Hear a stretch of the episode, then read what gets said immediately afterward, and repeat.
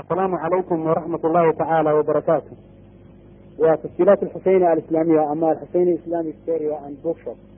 Halkana waxaanu idinku soo gudbinaynaa cajalada cinwaankeedu yahay asbaabu ridda. Waxaana inoo soo jeedinaya sheekh maxamed sheekh cumar giri. Cajaladani waa si labaad ee mawduucan uu sheekh ka galo. Bismillah alxamdu lilah wasalaatu wasalaamu calaa khatimi alambiyaai walmursaliin nabiyina muxamedi wacala aalih waصaxaabati alkiraam wasalama tasliima kasiira اللهم كره إلينا الكفر والفسوق والعصيان اللهم حبب إلينا الإيمان وزينه في قلوبنا وكره إلينا الكفر والفسوق والعصيان واجعلنا من الراشدين أما بعد waxaynu ka soo warramayna habeenkii dhaweyso arrintii khatarta badnayd ahayd qofkii ilaahay uu ku gallabay iimaanka iyo islaamnimada oo ayaan dara ay ku dhacdo oo dabeedna diintii islaamka ka baxa. Sida uu uga baxaya siday noqonaysa hadduu se ku baxan ka baxo maxaa ku waajibaya? Adigu ilaa sagaal mabxad oo muxaadaradu ay lahayd waxaan filayaa dhowr kamida laba meelaha inaynu soo qaadanay. Arinta kale waxaynu isku dayi doonaa inaynu yar socodsiino. Si aana habeen kale inooga qaadan insha allah. Arrintaas kollay shayga baacidkeeda ahaa. Ama in waktigan aynu ka hadalno. Keene hore aynu uga soo hadalnay. Iyadoo mar walba ay waajib tahay in la ogaado. Waayo qofku haddii shay u dhisan yahay waxaa laasima shaygaa inuu ogaado arkaantiisa shuruudiisa waxa qurxinaya iyo waxa burinaya. Oo marka imika la idhaha qofku axkaamta salaada ha barto waa daruuri inuu mubdilaadkiina yaqaano salaada wixii ka burinaya. Lidalik qofka muslimka ahi dee wax wax ka noqdo ka dhaawacmo ka bura iimaanka iyo islaamnimada ayaa u khatarsan.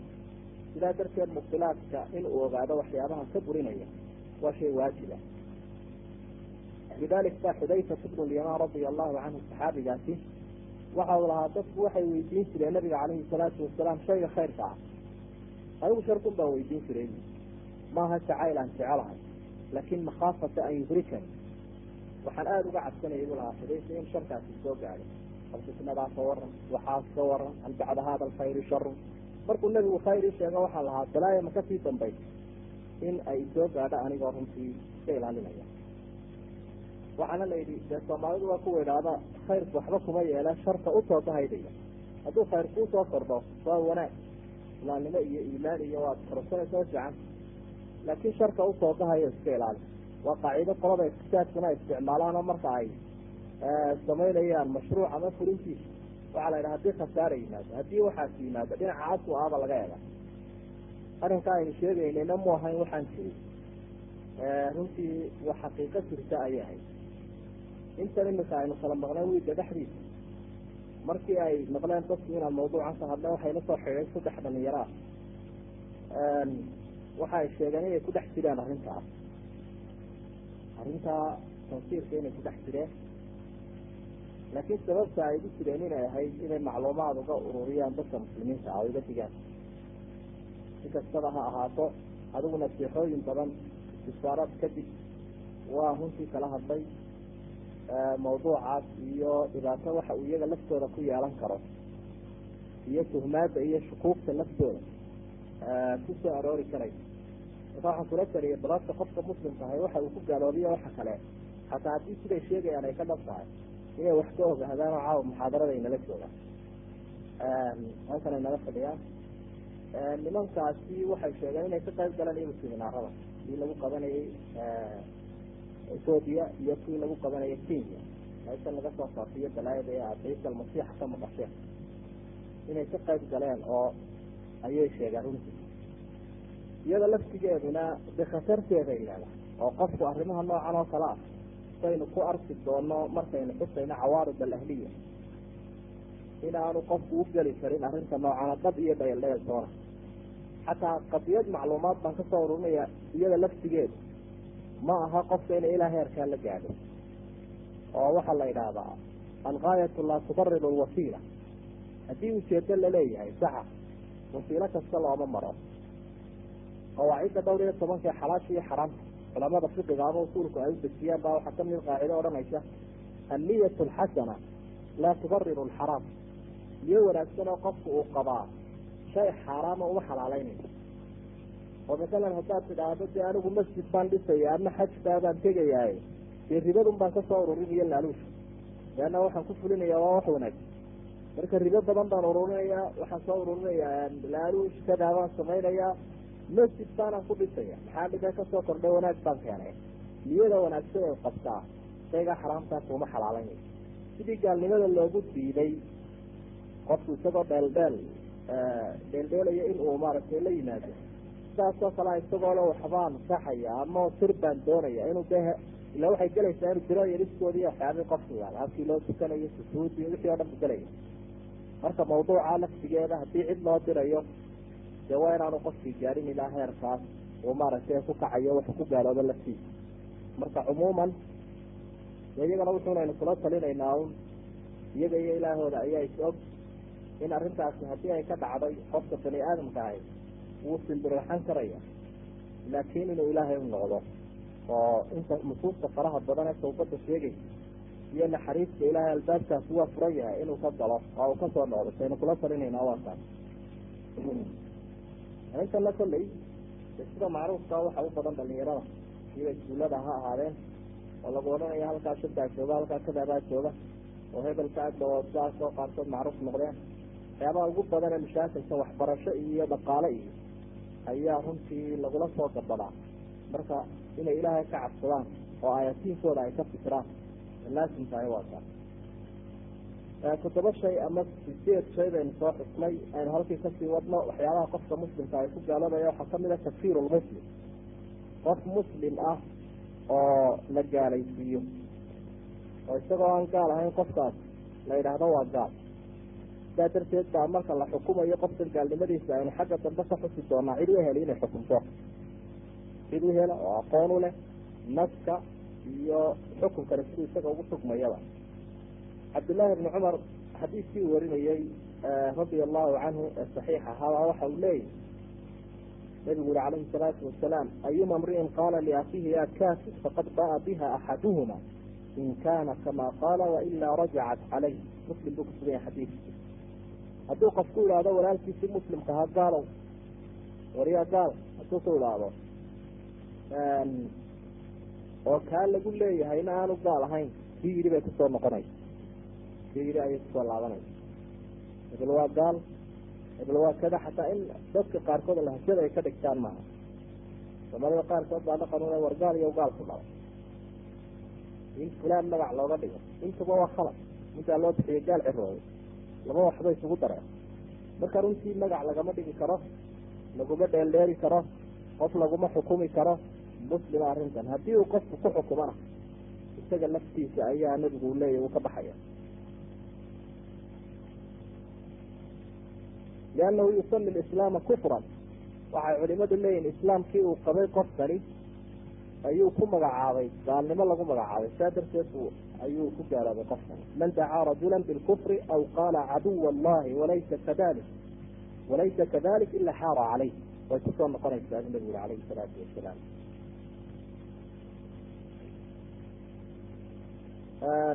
laba arrimood baa kala duwan. Takfir lmulaq atakfir lmutlaq wa takfir lmucayan gaalnimo caamahoo la sheego la xukumo iyo qofka gaarahoo la gaalaysiiyo ayaa kala duwan. Oo waxay culimada ku tilmaamaan inuu yahay tajriib lficli wa tajriib lfaacil mar ficilka laftiisii baa la xukumaya inuu jurmi iyo dembi yahay iyo gaalnimo.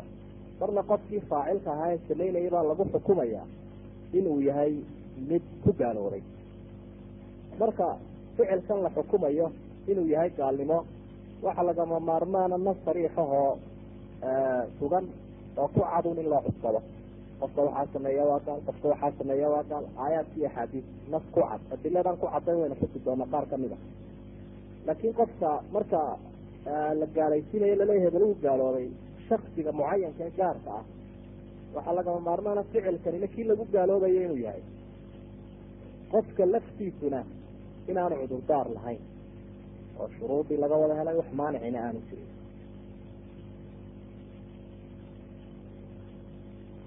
taasaa marka faariqaana in la ogaado. Wey oo waxaa laga yaabaa qofku isagoo la yimi ficil lagu gaaloobi karo inaanu isagu markaa ku gaaloobin sababo u diidayo jiro awgeed. Oo maaragtay sugan xagga sharciga dhexdiisa inu ku xusi doono xagga dambe shayga tobnaad ee lagu gaaloobayo amaba culimaduba dee ay isku khilaafeen waxaa kamida sida macruufka wada ogtihiin ka tegidda salaada waa cudur weyn oo ku dhacay soomaalida. Cudurkaasi taariku salaadnimada la idhaahdo aada buu khatar badan yahay. Ilaa aada odhanayso marka adeegto bulshadeena jumcada la aadaamo ama salaadaha jamacaaba markaad suuqa istaagto meelaha saadka lagu ibiyey suuqa ganacsiga iyo adsa hareeraha u eegto iyadoo qiradii imaamku socoto waar salow goobtan joogta halkan aad imaka taagantay salow ma aqaliyad islaama ku nool badanayso dadka inta yar baa muslima miya leanna intii kale wax socdaba kama warhayaan xaya cala sala xaya cala salaam. Culimada islaamku iskuma khilaafsano qofkan isagoo salaada diidan haddii uu ka tago inuu ku gaaloobayo. Raacidi iskuma khilaafsana. Dadka lagu falsafadeeya waxa uu leeyahy cibaadaadka iyo waxyaabaha lala imanaya. Waxa weeye akhlaaqiyaadka madaniga ah iyo mucaamalada dadku bay hagaajiyaan. Marka haddii la heli karo dariiqo kale oo dadka lagu tababaro oo reer magaalnimadooda lagu soo celiyay iyo sida fiican ay u wada noolaanayaan iyo akhlaaq wanaagsan dariiqo kaleo loogu sameeyo haddii la helo waxba salaadii waa laga maarmaya cibaadaadka noocana. Fikrada noocaas iyo falsafada markuu qofku qabo waa ku gaaloobaya. Taa way isku waafaqeen. Laakiin waxay isku khilaafeen qofku haddii uu ka tago salaadii cadsi darteed isagoo meeshan iska caasisa sida dadkuba u badan yahay. Saddex qowl bay markaa culimadu u kala qaybsameen qola waxa ay leeyihiin waa kuwa daa macruuf waa kuwa madhabka xanaabilada inuu ku gaaloobayo qofkaas. Mar hadduu salaadii ka tegay iyadoo wax cudurdaara aanu lahayn cudurdaaradeedii waa uu ka baxay. Waa saciid ibnu jubayr macnaha taabiciinta iyo asxaab iyo aimada inta qabta waxaa ka mid ah axmed ibni xambal saciid ibnu jubayr caamir shacbi ibrahim anakhaci wa ayub akistiyaani asxaab xaggoodana waxaa qaba cumar ibn khadaab mucaad ibn jabal cabdiraxmaan ibn cawf abi hurayra sida ibn xazm masaladaa marka uu niqaashayo uu soo naqilayo qowlka labaad waxa uu leeyahay qofkan isaga kulley waa la dilaya ma joogayo laakiin gaalnimo yaan loo dilina xeer ciqaabeed la marinayo oo sidii qisaaskii oo kale aha loo dilay sida maalig iyo shaaficiya ay qabaan inuu faasiq weyn yahay ayuu markaa ku tegsay madhabka xanaabiladu marka a'imadaas ama culimadaa tilmaamaya inuu taariku salaad yaanu aaminsanaaninba inuu salaadu inay ku waajibtay ha aaminsanaado. Laakiin inuu ku gaaloobayo keliyaha qaba waxay soo qaadanayaan adilo dhowra. Oo shantani ay ka mid yihiin. Marka u horeysa waxay yidhahdeen qofkan taariku salaadka ah markuu ilaahay xusayo xaalkiisa aakhiro waxa uu ku daray kufaarta iyo munaafiqiinta. Sujuudi kari waayey. Kufaarta iyo munaafiqiinta maalinka qiyaamaha sujuudi kari waayey ayaa ilaahay uu ku daray. Yawma yukshafu can saaqin wayudcawna ila asujuudi falaa yastatiicuun. Khaashicatan absaaruhum tarhaquhum billah. Maxaa ku xiga? Waqad kaanuu yudcawna ila asujuudi wahum saalimuun maalinkaa qiyaamaha ma sujuudi karayaan. Dadka aan iskii sujuudi jirin aayaddu saasay tilmaamay. Cidda markaa sujuudi weyda dhabarkooda sabarad laga dhigayna si xadiiska saxiixa uu tilmaamayo waxa ay noqdeen reero naari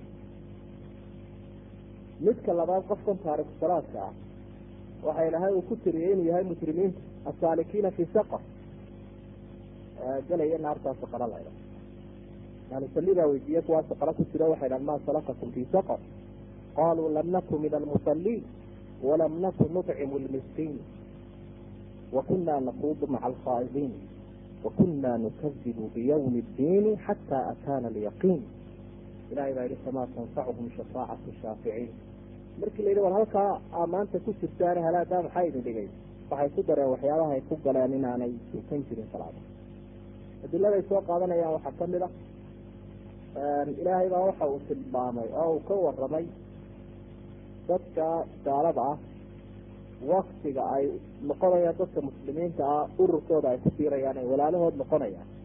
Markay arrimahan xaqiijiyaan fain taabuu waaqaamuu asalaata waaataw azakaata faikhwaanukum fi ddiin. Wanufasilu laayaati liqawmin yaclamuun. Waa aayaddaa suuratu tawba. Ilahay wuxu uhi hadday gaaladaasi toobad keenaan salaadana ogaantaa ilahay salaada sikada ma kala qur'aanku salaadana ogaan sikadana bixiyaan. Waa walaalihiin baa ilahay marka walaaltinimadii cibaadada loogideeda lagu xiray daliilka afraad iyo shanaadi waa labada xadiise macruufka taqaaniin in badanna. Aa ka maqasheen culimada wax wacdida bayna arajuli wa bayna ashirki waalkufri tarku salaa fii kaamusu kitaabulimaan ku sugan. Nabigu wuxu leh calayhi salaatu wasalaam qofka rajul marka uu nafsi tilmaamayo dee gabadhiina waa la mid dumarka maaha inta aragnimada loo saamaxay. Waxaa weye rag iyo dumar qofun baa looga jeedaa imaka qofka iyo gaalnimada waxaa udhexeeya gidaarkaa salaada. Markuu qof ka gudbo xaggii gaalnimada u iyo xadiiskii kale cabdillahi bni shaqiiq uu warinayey isaguna saxiix ahaa kaana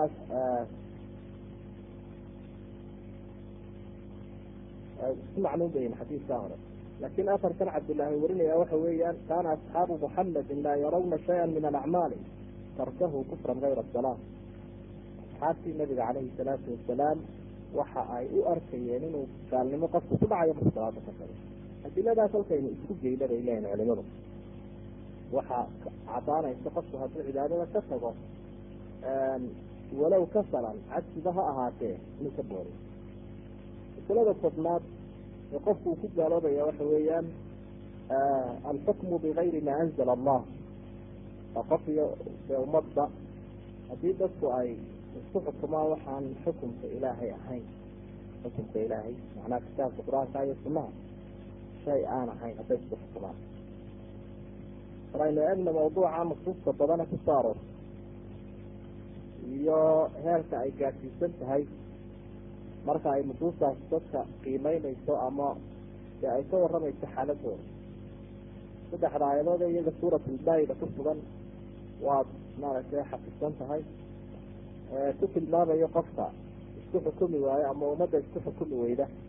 Sharciga ilaahay inay gaalo yihiin inay faasiqin yihiin inay dhaalimiin yihiin. Waa saddexda aayadood afar iyo afartan shan iyo afartan toddoba iyo afartan aayaddii suuratu shura koob iyo labaatan ilahay baa waxau ihi am lahum shurakaau sharacuu lahum min addiini maa lam ya'dan bihi illah. Oo waxay yeesheen baa ilahay uli nimankan ka soo horjeestay nabiga caleyhi salaatu wasalaam iyo asxaabta qaar shuraka ah oo ilaah yaalla oo waxu jideeyey marka rabbi laba arrimood buu israaciyey. Jidaynta la jideeyo sharci iyo qofka kaa jideeya inuu noqonayo laftiisu mid ilaahay ay isku daya in wax la yeeshay. Shariik baa lagu tilmaamay. Suuratlkahfi aayadda lix iyo labaatan ilahay waxau ihi walaa yushriku fii xukmihi axada. Xukumkiisu ilaahay waa u gaar. Cidna ma ogola inuu la wadaajiyo yaa lala wadaajin weyy suurat lancaam aayadda boqol iyo lix iyo soddon dhowrka aayadood ilahay waxau ihi wajacaluu lilahi mima dara'a min alxarfi walancaami nasiiba faqaluu hada lilahi bizacmihim wahada lishurakaaina ilaa laga gaadho qad khasira aladina qataluu awlaadahum safahan bigayri cilm waxaramuu ma razaqahum allahu iftiraaءa cala allah qad daluu wama kanuu muhtadiin. Marka aayadda waxaa ku jirta waxaramuu maa razaqahum allah. Macnaha waxay tilmaamaysaa ceebeynta ay nimankaa mushrikiinta lagu ceebeeyey inay wax ilaahay uu ku arsaaqo xalaal ah ay xaraantinimeeyeen aayaadku way badan yihiin. Waxaa ka mid ah aayadda suuratu sawda koob iyo soddon ee ilahay uli itakaduu axbaarahum waruhbaanahum arbaaba min duni illah wاlmasixa bna maryam wma umiruu ila liyacbuduu ilaha waaxida laa ilaha ila huwa subxaanahu cama yushrikuun aayaddaa waxaa axaadiiska ay xusaya nabigu calayhi salaatu wasalaam inuu akriyey markii uu arkay ninka la odhan jiray cadiy ibnu xaasim oo soo islaamay ayuu aayadda akriyey cadiy ibnu xaasim nabiga ula hadlo waxau ihi dee qolada nasaarada ahaa ama kristanka may caabudi jirin suufiyaashooda iyo ilaayadda waxay leedahay nimankii nasaarada ahaa suufiyaashoodii iyo wadaadadoodii rabbiyaal bay ka dhigteen. Rabbiyaal bay ka dhigteen sida ciiseba rabbi uga dhigteen. Markaasuu yihi dee rabbiyaal kuwaasa may dhiganina waa jide nabigu calayhi salaatu wasalaam wuu iftiimiyey sharaxa aayad. Markaasaa waxau ihi miyaanay waxyaabo xaraam ah u xalaalaynin. Wax xalaal ilaahay uu ka dhigayna aanay ka xaraamtaynin fadalik cibaadatuhum iyaahum caabudidda ay caabudeen waa nooca marka wuxuu nabigu ku fasiray calayhi salaatu wasalaam cid rabbi laga dhigta wuxuu ku fasiray ilaahay wixii uu xalaasha ka dhigay iyo wixii uu xaraamta ka dhigay oo la isweydaariyo oo arinku dadka mawduuca ay galaan ah altaxliilu wataxriim dadku ay u dhaadhacaan liana ataxliila wataxriima xaqun lahu tacaala waa arrin ilaahay u gaara waa sida uu daa ku iftiiminaya masalada ibnu kasiir jiska labaad saddex boqol iyo sideed iyo afartan fataawahana mujaladka toddobaad ibnu taymiya ku sharxaya. Runtii aada bay u badan yihiin aayaadka ka hadlaya xumaanta uu leeyahay ama bulshadu aan isku xukumin ilaahay sharcigiisa ama wax kale ku bedel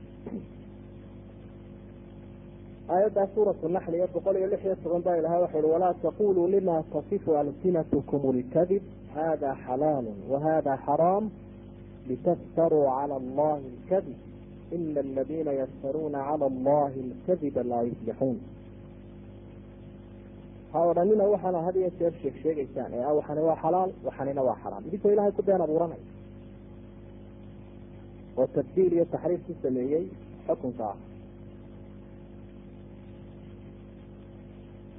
sharciga ilaahay raacidiisa laba arrimood midnaba banaana altakyiiru waatabciir in takyiir la geliyo la idhaahdo warsaloma qaanuunkaynu qaadanaa. Makalan baynu soo qaadanaa xeer soomaaliga. Mise ilaahay sharcigiisa isaa la isu balbadhigo waa kalad ilaahay baa waxau ihi wamaa kaana limuminin walaa muminatin ida qada allahu warasuuluhu amra an yakuna lahum alkhiyaratu min amrihi rag iyo dumarba ilaahay uu israaciyo qof mu'mina labiyo dhadig mid kasta ha ahaadee marka ilaahay rasuulku ay shay xukumaan ama aayadii ay shayga ay ku sugan tahay ama xadiid la inuu yidhaahdo anugu khiyaar baan leeyahay tabciiduna ma banaana in la yidhaahdo waa sida dad dadka muslimiinta a haysatee in la yidhahdo dee inna waynu ka qaadan inna waynu iskaga tegi ilahay baa yidhi yaa ayuha aladiina aamanuu idkuluu fi silmi kaafa walaa tattabicuu khuطuwaati shayطaan inahu lakum caduw mubiin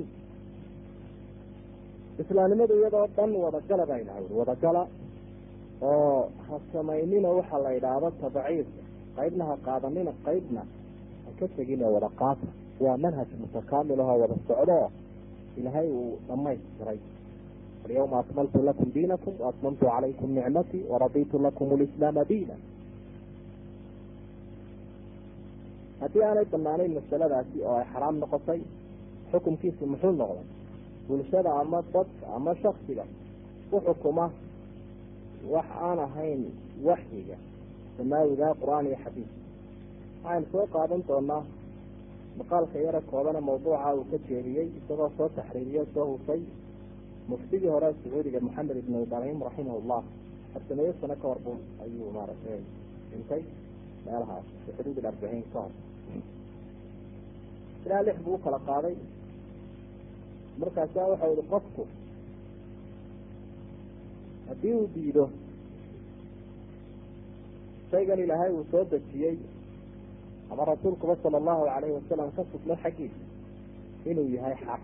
Macnaha xaqiyadiisuu diiday xaqba maaha buu leeyahy dee kaasi isagu waa waa ka dooday oo asal buu diiday usuusha diinta islaamka ka mid a marka maadaamuu leeyahay xaqba maaha kale.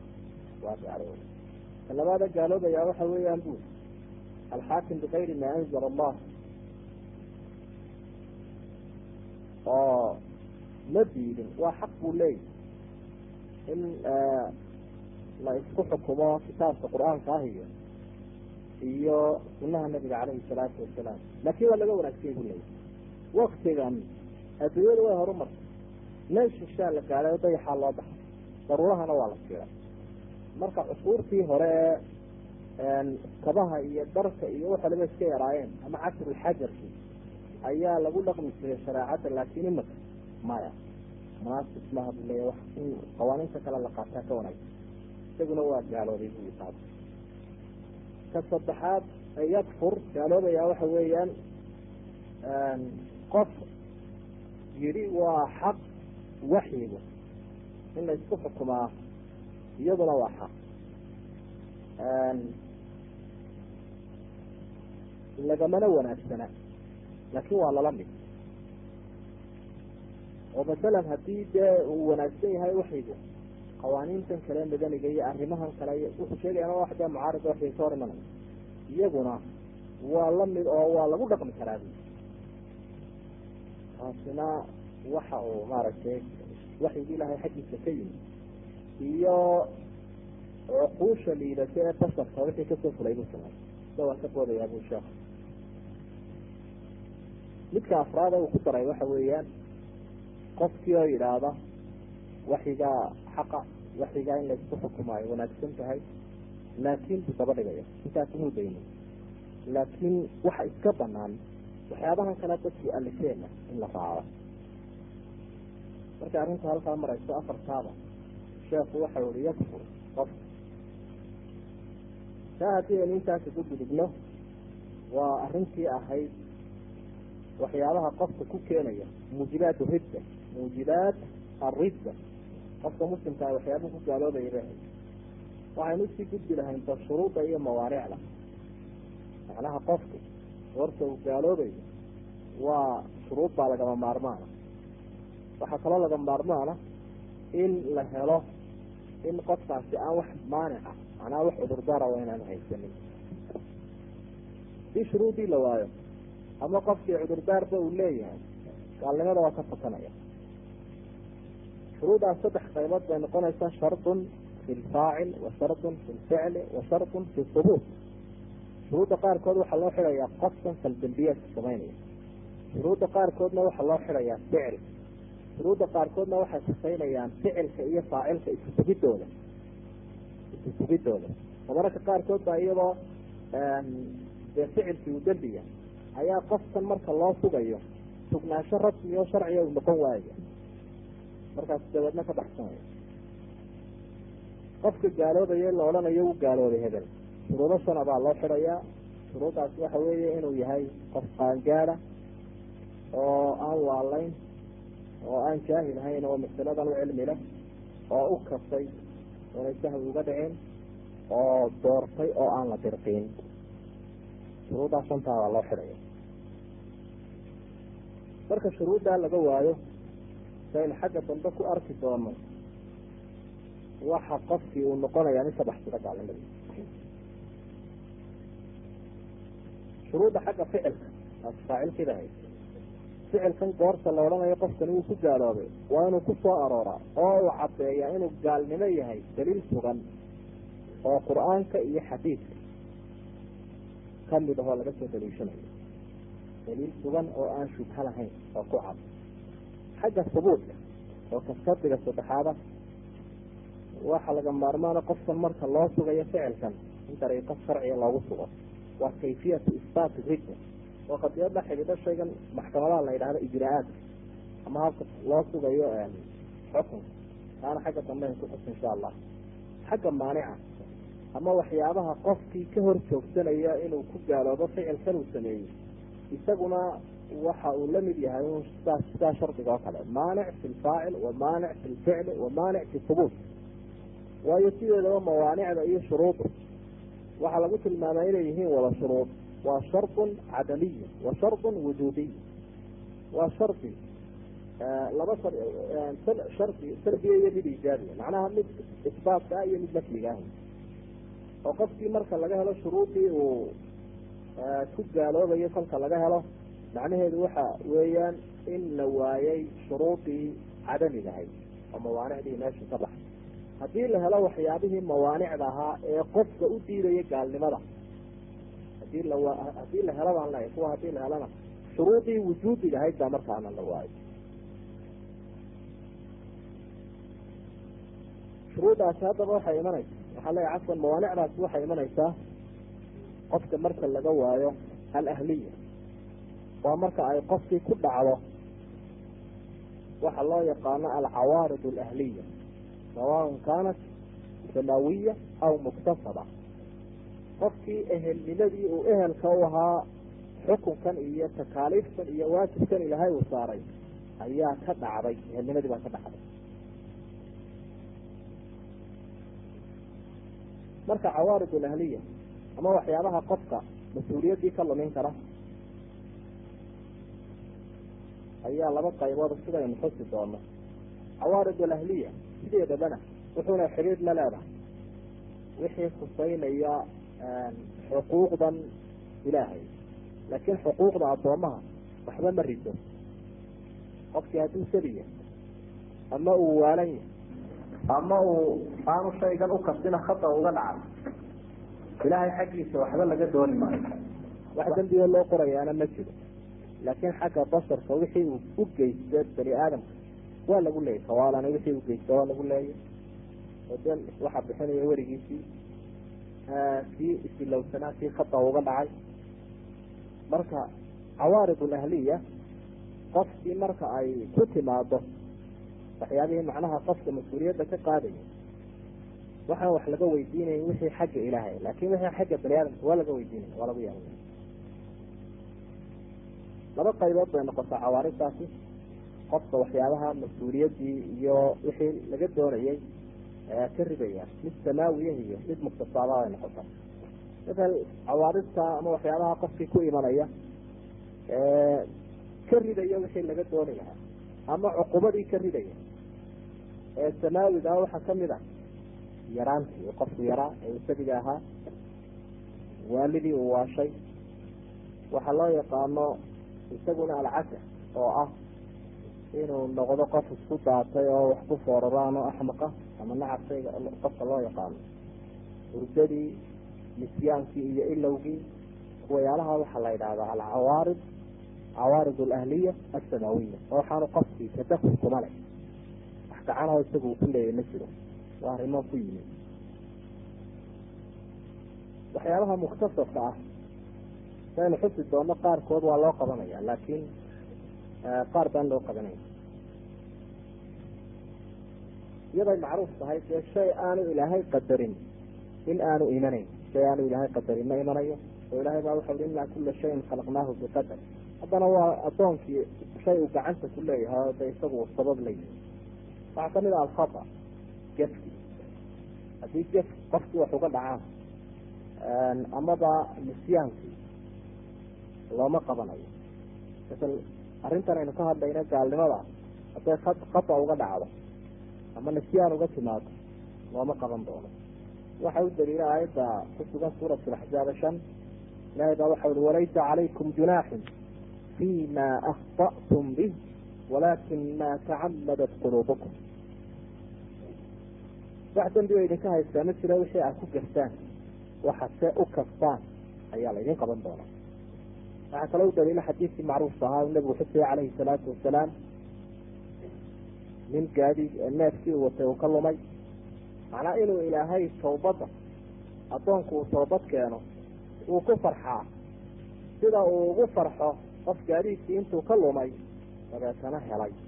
Isagoo aan filaynin boo ka quustay oo ku soo booday oo dabeedna doonay inuu ilaahay umahadnaqo oo yidhi allaahuma anta cabdii wa ana rabbi ilaahay ow adigu cabdigaygii baatay ana rabbigaagii baan marka nabigu ufasiray calayhi salaatu wasalaam oo waxau ihi inahu akhطa'a min shiddati lfarax ninkan isaga ahay markuu hadalkan lahaa umuu kasine wuu gafay faraxii baa ku batay oo ila farxadi waa naxdine.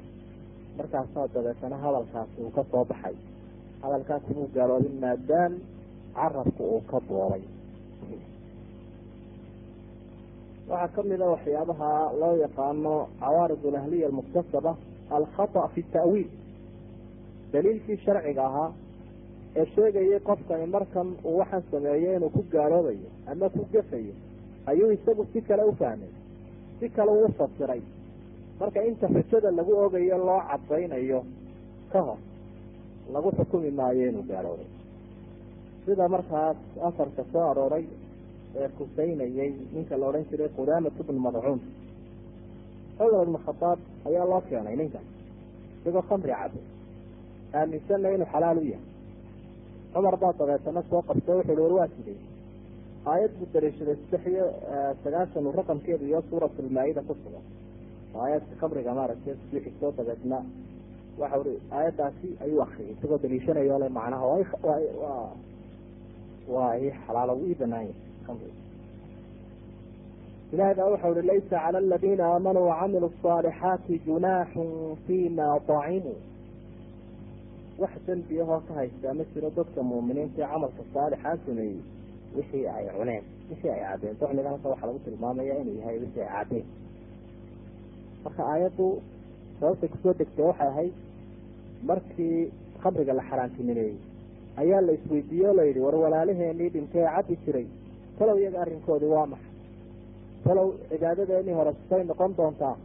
Markaasa ilahay aayaddan uu soo dejiyey in aan waxba loo haysanin dabeedna ninkii mar haddii dee aayaadkii khamriga aayaddu xidhiir la leedahay lana yidhi dadka alla rumeeyey camalka saalixaa sameeye wanaagsani baasha macnaha wax dembiyahoo saaran wixii ay cuneen wixii ay caddeen wax dembiga kama hayso. Isagu xaggaasuu la kacay. Cumar dabeedna wuu u caddeeyey waa u iftiiliyey khadiisii iyo gafkiisii wa aqaama calayhi alxadda murtadnimo looma dilinoo lama odhan in khamrigu xalaashaday laakiin xeer ciqaabeedkii uu lahaa khamriga cabitaankiisa unbaa lagu fuliyey marka sidaa aynu leenahay cid wal oo daliilka sidii saxda ahayd si aan ahayn u fasirtay looguma cudur daarayo waxaa jira asxaabu ra'yi lmunxarif wa asxaabu alhawa dad doonaya inay daliilka iyo naska si khalada ufasiraan oo rabitaankooda ay daba wadaan iyagoo iskaba badheeraya kuwa iyaga looguma cudur daarayo oo lama odhanayo way gefeen oo daliilkii ayay si kale ufahmeen tusaale haddaynu soo qaadano ibliis baa ilaahay uu ka warramay. Isagoo diidan sujuudii loo sujuudi lahaa aadam layidhi u sujuuda. Markii layidhi maxaa kuu diidayna? Muxuu yihi ana khayru min khalaqtanii min naarin wa khalaqtahu min tiin falsafadaas iyo caqligaasuu keeno dabeedna waxau yihi ee waanu kala khayr badannahay anaa ka fadli badan isna waa maftuul idan markaa laa yasjudu alfaadilu lilmaftuul ka fadliga badani uma sujuudayo si uu ka fadliga badnaa. Daliilkiibuu si khalada u daliishaday oo hawadiisa ku binaysan sidaa darteed garawshiyo male waxaa lamida isaguna firaqa gefsan ee nusuusta sharcigaa sida khaladkaa wawinay waxaa masal jirta aayad qur'aan oo suurat lxij u sugan aakirkeeda ilahay baa waxa uri isagoo la hadlaya nabi maxamed caleyhi salaatu wasalaam iyo qof kastoo de qof kastoo bashar kamidaba wacbud rabbak xataa yatiyaka alyaqiin. Ilaahay caabud ilaa ay yaqiintu ku imanay ilaa yaqiintu ku imanay marka dabeedna yaqiintiibaa waxay ku fasireen waa rafcu lcibaada waa addoonkii oo laga kor qaado cibaadadii. Marka dabeetana addoonku uu gaadho darajo lagaga kor qaadayo cibaadada. Markaa waxa weeyaan waxba laguma laha dhiga taasina waa si khalada waa daliilkiiba si khalada loo adeegsaday hawada iyo rabitaanka la socota waxaa lamida ma taakaas khadii buu ahaaye oo cawaaridta muktasabkaa ka mid noqonaya maaniculjahl jahliga shayga la idhaahdo oo qofkii waxa uu ka jaahil yahay ficilkan uu la imanayo inuu gaalnimo yahay iyo in kale ayuu ka jaahil yahay. Marka waa loo cudur daari karaya. Ilahay baa wuxuu yihi wamaa kuna mucadibiina xataa nabcata rasuula. Aayadda shan iyo tobana suurat lisraa ma cadaabayna ummadaha ilaa aan u dirno rasuul ilaa aan u dirno.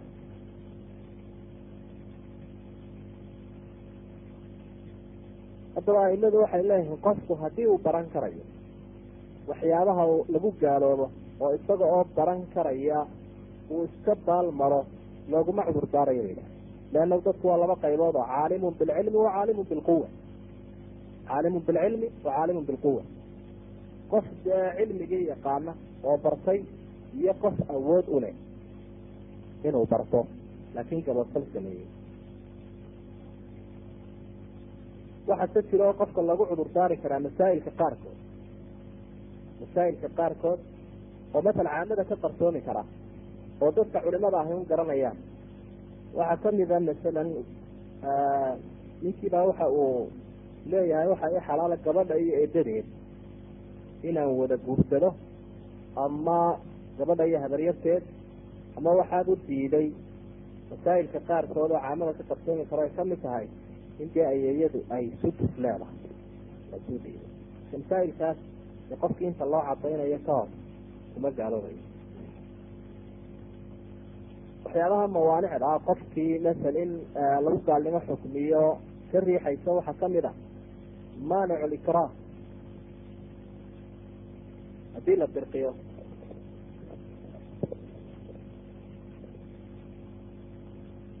haddii la dirqiyo la kalifo oo macnaha waxaa ka baxay shardigii ahaa alikhtiyaar shardigaasaa meesha ka baxay inuu doorto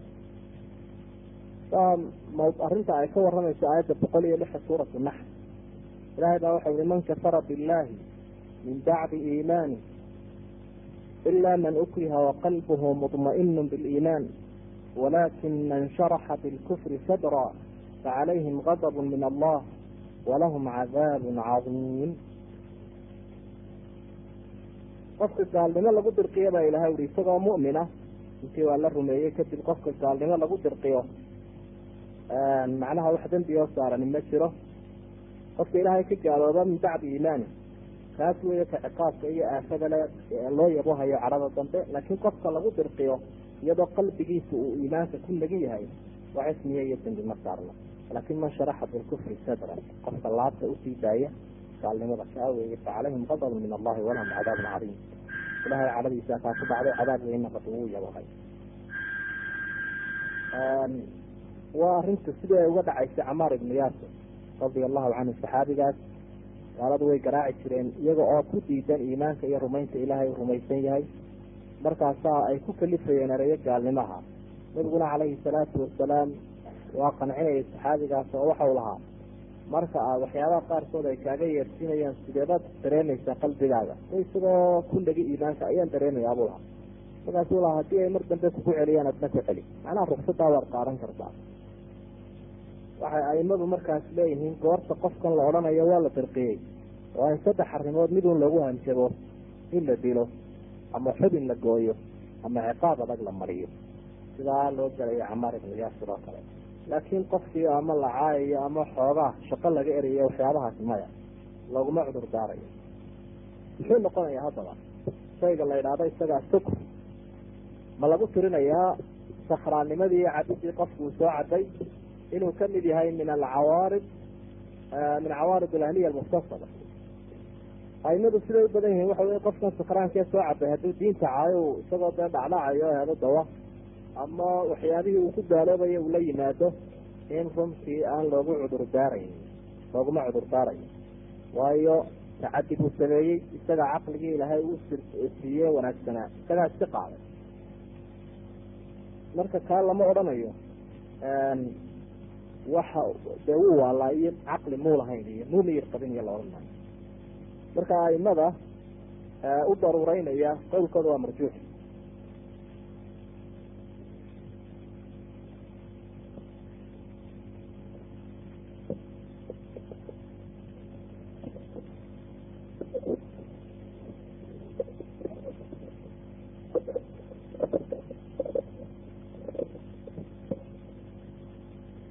waxyaabaha masala aanu qofkii ku gaaloobaynin waxaa ka mid a isaga oo gaalada waxoodii iyo hadaladoodii kufriga ahaa ee gaalnimada ahaa soo naqilo ka wariya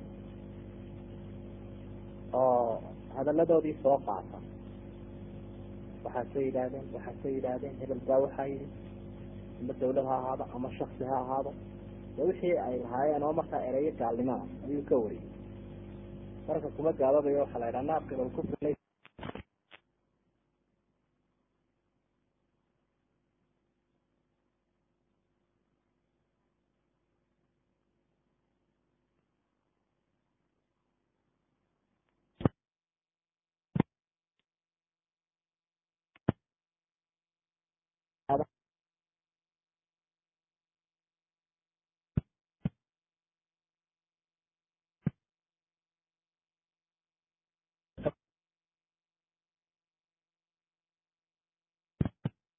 qaab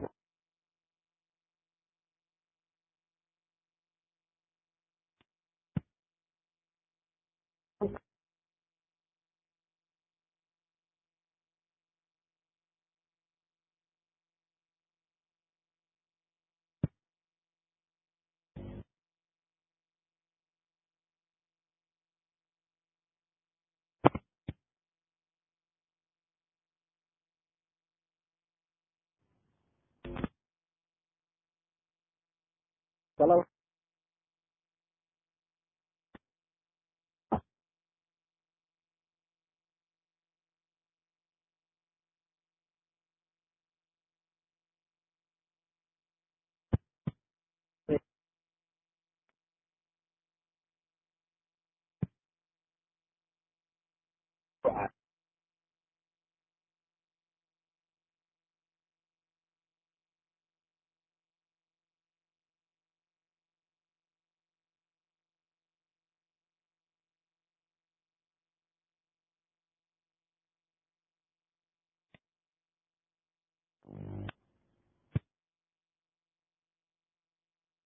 kala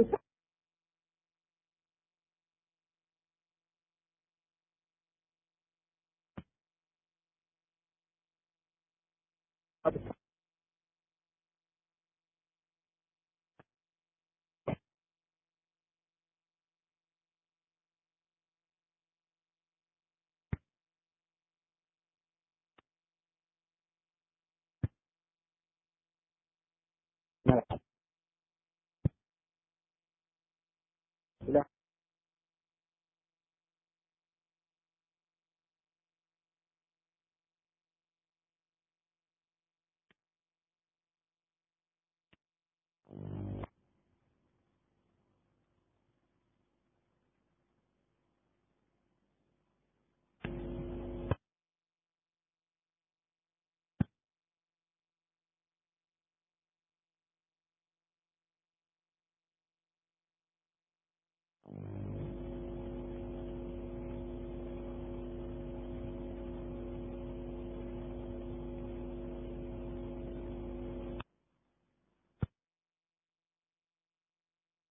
لما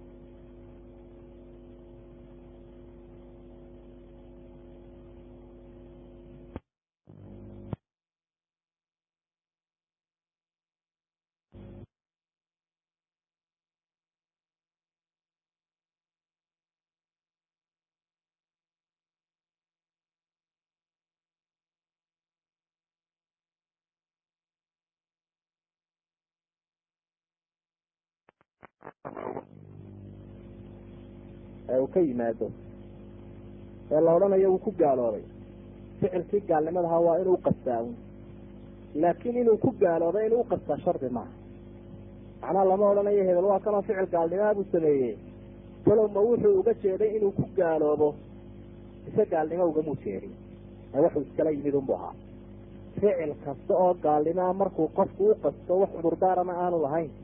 Inuu ku gaalooboba yaanu u qastinin waa ku gaaloobaya ibnu taymiya raximahullah isagoo arrintan ka waramaya asaarim lmasluul ayaa waxa uu lahaa wabiljumla faman qaala aw facala ma huwa kufrun kafara bidalik wain lam yaqsud an yakuna kafiran id laa yaqsud lkufra axadu ila ma sha allah.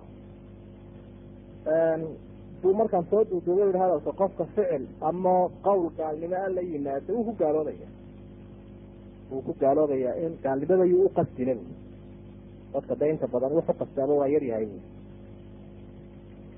imaamu lbukhaari raximah llah masaladan buu u baabaystay in qofku ficilkan uu la imanayo inuu ku gaaloobaa waxba inaanu u qasdinin shardi aanay ahayn. Macnaha la shardiyi maayo inuu gaalnimo uga qasdiyo isagoo taa kitaab liimaan fi saxiixi baabaysanaya ayaa wuxu uhi baabu khawfi lmu'min an yaxbita camaluhu wahuwa laa yashcur qofkii muminkaa waxaa laga maarmaana inuu ka boqdo inuu camalkiisii ku dhaco wax aanu garanaynin.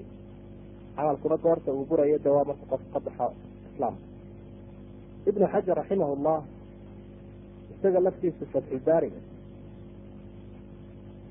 mujaladka labiyo tobnaad markii uu sharxayay xadiiskii khawaarijta ka waramayay uu nebigu uri calayhi salaatu wasalaam yamruquuna min addiini kamaa yamruqu sahmu min aramy nimankaa khawaarijtii akhiru zamaanka imanaya diinta waxay uga dhex bixi doonaan leebku siduu uga dhex boodo ama xabaddu meesha lagu gano diintii waana ku dhex jiraan waana ka dhex baxaya ayaa waxa ui wafiihi waxaa laga faa'idaysanaya xadiidkan.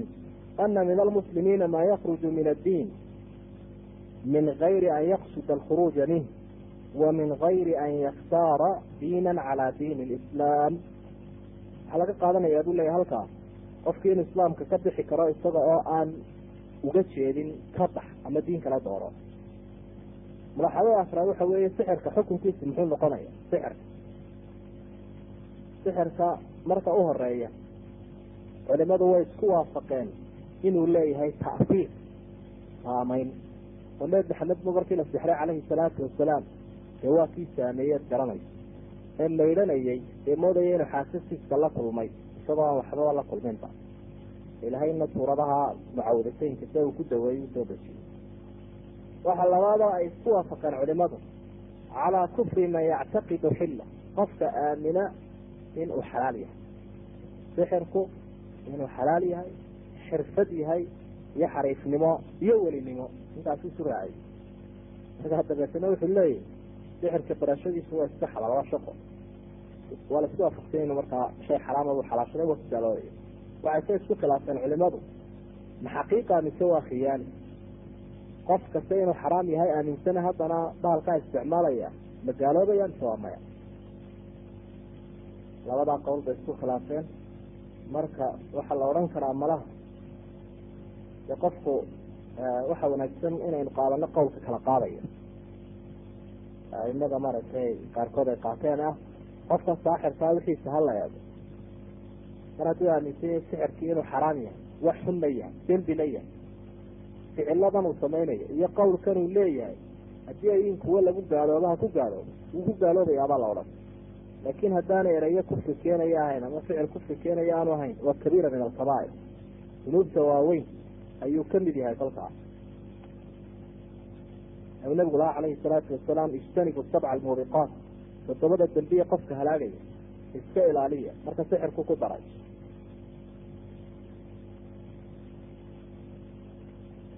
waxaynu usuu gudbi lahayn hubuutu ridda. Riddadu sideebay ku sugmaysa goormaa la odhanaya hebel waa murtad. Laba arrimood waa in la helo. Midkood markaasaa la odhan karaya hebel diinta islaamka uu ka baxay ta u horeysa weeyaan in uu qirto. Ma uu isla soo taagu idhaahdo waan ka baxay markaa waa la xukumaya. Dil baa lagu xukumaya. Dil iyo dacadkiisa wey. Hadabkiisao lala wareego saynu xagga dambe ku arki doono inuu toobad keena mooyaane midda labaadna waxa weeyaan markhaatiyaal oo ku fura. Markhaatiyaashaasina ay yihiin rag caadiliina isla markaana tafsiil waa inay bixiyaan. Waxa uu hebel u gaaloobo qura maya wuxuu ku gaaloobay waa inay caddeeya hebel waxaanu aragnay isagoo kaniisada ku tukanaya waa la camiraya kada wa kada sidaas. Arrinkii markay saa u caddeeyaan wixii uu ku gaaloobayay oo mufasal ah maxkamaddu waa xukumaysa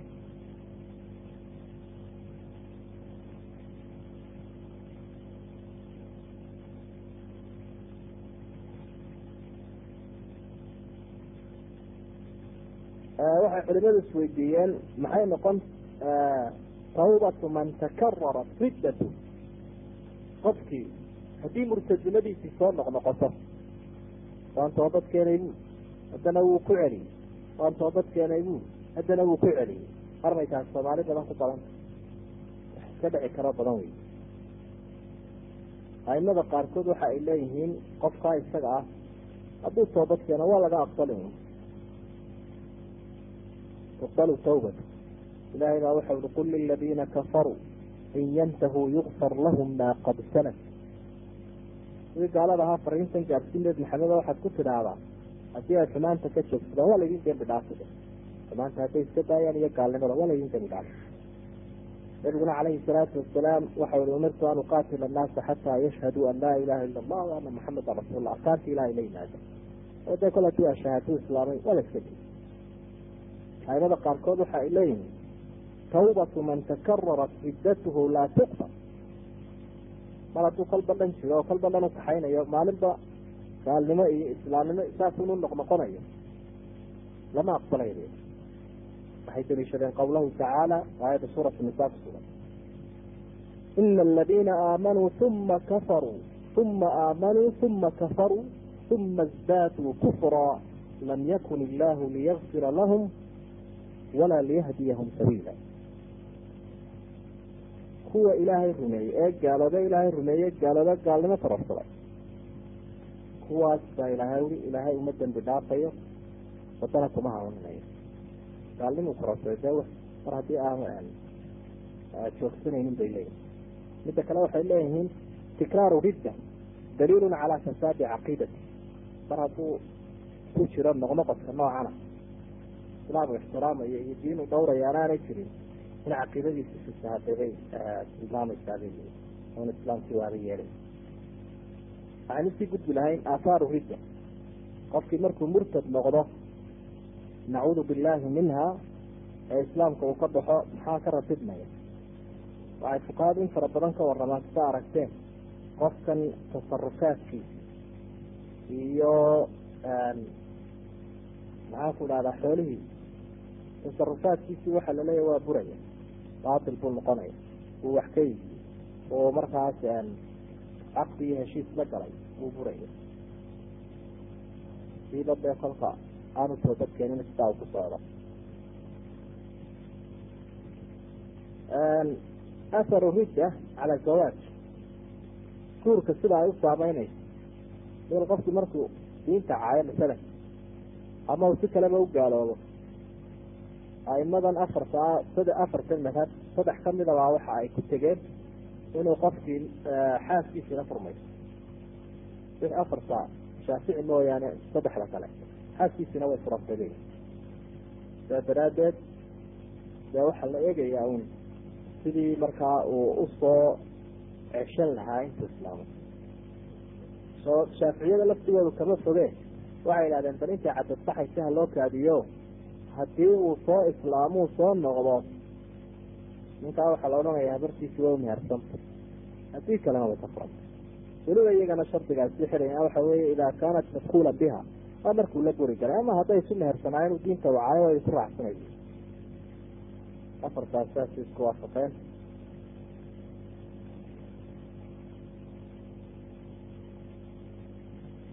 In fara badan baana nusuustu ka waramaysaa in gaalnimada iyo xumaanta leeda misl aayaadka ku sugan suurat mumtaxina ilahi baa waxa uri ya ayuha aladina aamanuu ida jaa ida jaa ida jaakum lmu'minaatu muhaajiraatin famtaxinuuhun famtaxinuuhun allahu aclamu biiimaanihin fain calimtumuuhuna mu'minaatin falaa tarjicuuhuna ila alkufaar maxaa ku xiga? Laa huna xilun lahum walahum yaxiluuna lahun kuma xalaal haba idhahdo gaalada raggaa iyo dumarkaas dumarkaa mu'minaadka ah kuwa gaalada xalaal uma marka mar hadduu gaaloobay xalaal uma kol haddii iyadii gaalowday isaga xalaal uma muxuu noqonayaa inuu imika mid guursado. Waatan habeenkii dhawa tusaalaha ku bixinayneen inuu imika mid guursado. Waxa itafaqa fuqahaa calaa ana almuslima ida irtada uma tazawaj falaa yasixu zawaaj waa masale ay fuqahadu isku waafaqsan yihiin qofkii islaamkeena ka ridoobay in aanu guursan karin gabadh muslimada. Mid kale oo ahlulkitaabana ma guursan karo. Leannahu kitaabba male ku kol hadduu keena ka tegay inuu ku kale galana ama diin kale u galana looma ogola qofka muslimkaa waxa u xalaal ahaa inuu guursado tu kitaabiyada. Marka isaga taasina xataa xalaal uma habeeyo sida umka mujaladka shanaad shaafici uu ku xusayo almuqni libn qudam mujaladka ubadkiisii maxay noqonayaan? Qofkan murtadka ah ilaa aahaartii iyo raadkii rijadu ay reebtay baynu ka waramayna waxay leeyihiin labadan qofe qaba. Hadduu mid islaamka ka baxo ka kalena uu ku sugan yahay. Ubadkii dhexdooda ahaa ama ubadkii calool galay hala raaciyo qofka muslimka. Laakiin labadoodaba hadday ridoodaan diinta markuu caayayana diin caygay ugu jawaabaysa labadoodiiba marka uu isagu caayo iyaduna way caayay ubadkii waxaa lagu xukumayaa inay iyaguna waxaa lala sugayaa buluuqa ban buluuqa ayaa lala sugayaa inkastoo dee jumhuurtu ay leeyihiinba ubadka laftigoodii murtad ayaa loo ictibaarinaya. Haddii labadii waaridsa ay gaaloodeen iyaguna inay gaalo yihiin baa lagu xukumayaa markay qaan gaadhaan ayaa la weydiinayaa. Tawbadda hadday tawbad keenaanna waa dad islaama haddii kalena waalidkoodii la raacay dhaxalkii murtadku muxuu noqonaya? Waa qodobka sideedaad waxa ay fuqahadu isku waafaqsan yihiin maalkiisaasi inuu noqonayo say say buu noqonaya. Ma afaa allahu calaa rasuulihi min ahli lqura falilahi walirasuuli walidi lqurba say waxaa gaalada wixii ka soo haray ayuunbuu ku biirayaa bay idhaha baanka muslimiinta ayaa lagu shubaya ciduu dhexlayaana ma jirto. Oo sideedaba qof labada qof markay isdhexlayaan inay isku din yihiin baa shardiga. Laakiin hadday kala din yihiin maya qof muslimi gaal ma dhexlaya gaalkuna muslim ma dhexlaya si xadiidka saxiixa uu tilmaamay. Wayamnacu shaksa min alwiraasi waaxidat min cilali halaatha riqun waqatlun waاkhtilaafu diini tafham falaysa shaku kalyaqiini. Sida masrigeeda raxbiyada garanaysa masilada uga warramaya muxuu noqonayaa qofka camalkiisi camalkiisii wuu buray qofka. Camalkiisii waa buray qofku hadduu murtad noqdo. Camalkii hore u sameeyey waa baatil. Ilaa aimada qaarkood ay ku tegeen xajkii qabla rida ahaa intaanu gaaloobin xataa xajkii wuu soo celinaya. Inkastoo qowlkay u badan yihiin iyo xajkii inaan soo celinayn ilahay baa yihi waman yartadid minkum can diinihi fayamut wahuwa kafir faulaa'ika xabidat acmaaluhum fi dunya waalaakhira waulaa'ika asxaabu nnaari hum fiiha khaaliduun aayadda suurat albaqara ku sugana laba boqol iyo toddobiyo toban. Qofka diintan islaamka ka baxa ee gaalooba camalkoodii waa buray adduunya iyo aakhiraba. Ilahay saasuu aayadda ku caddeeyey naartaanay la saaxiib yihiin waanay ku waarayaan. Gawriciisi muxuu noqonaya laa yajuuzu akluha liannahu laa millata lahu walaa yuqaru calaa diinin intaqala ilayh qofkan murtadka la idhaahdo wixii uu gowraco geeliyaali midkuu doonaya ha ahaadee lama cunayo isagana masalada aada buu ugu iftiimiyey shaafici mujaladka lixaad ibnu qudaamana ka sideedaad aadka u khatar badan tahay runti in culimo iyo caamana hoos loo eegaabay mudan tahay dadka xoolaha inoo qaba xoolaha inoo qaba balaayo af lagama dhawre aada bay u haboonta in arrinkooda wacdi iyo waane iyo wax tusaale in wax loo fidiyaba. Iyagoo diinta iyo ilaaha iyo nebiga caaya ayay neefkiisa dabina inay gawracayaan islaamtuna sidaas oo kale ayay iyaduna neefkii iyadoon bisinsilina waxba marka xaqiiqatan dee waa mawduuc u baahan. Ilan waa brotiinkii laga maarmi maaye. Maalin walba waa la cunaya oo la soo iibsanaya in la saxo xukunkiisiina waa kaa ridadu waxay saameynaysaa qofka wilaayadiisa inantiisiina ma guurin karayo walaashiina ma guurin karayo miday gacal yihiinna iskama daada inta caayo dabeedna ama uu kirista ku biro halkan uu taagan yahay dadka kale qaraabadaabaa loo doondoonaya inantiisa iskuba qola maaha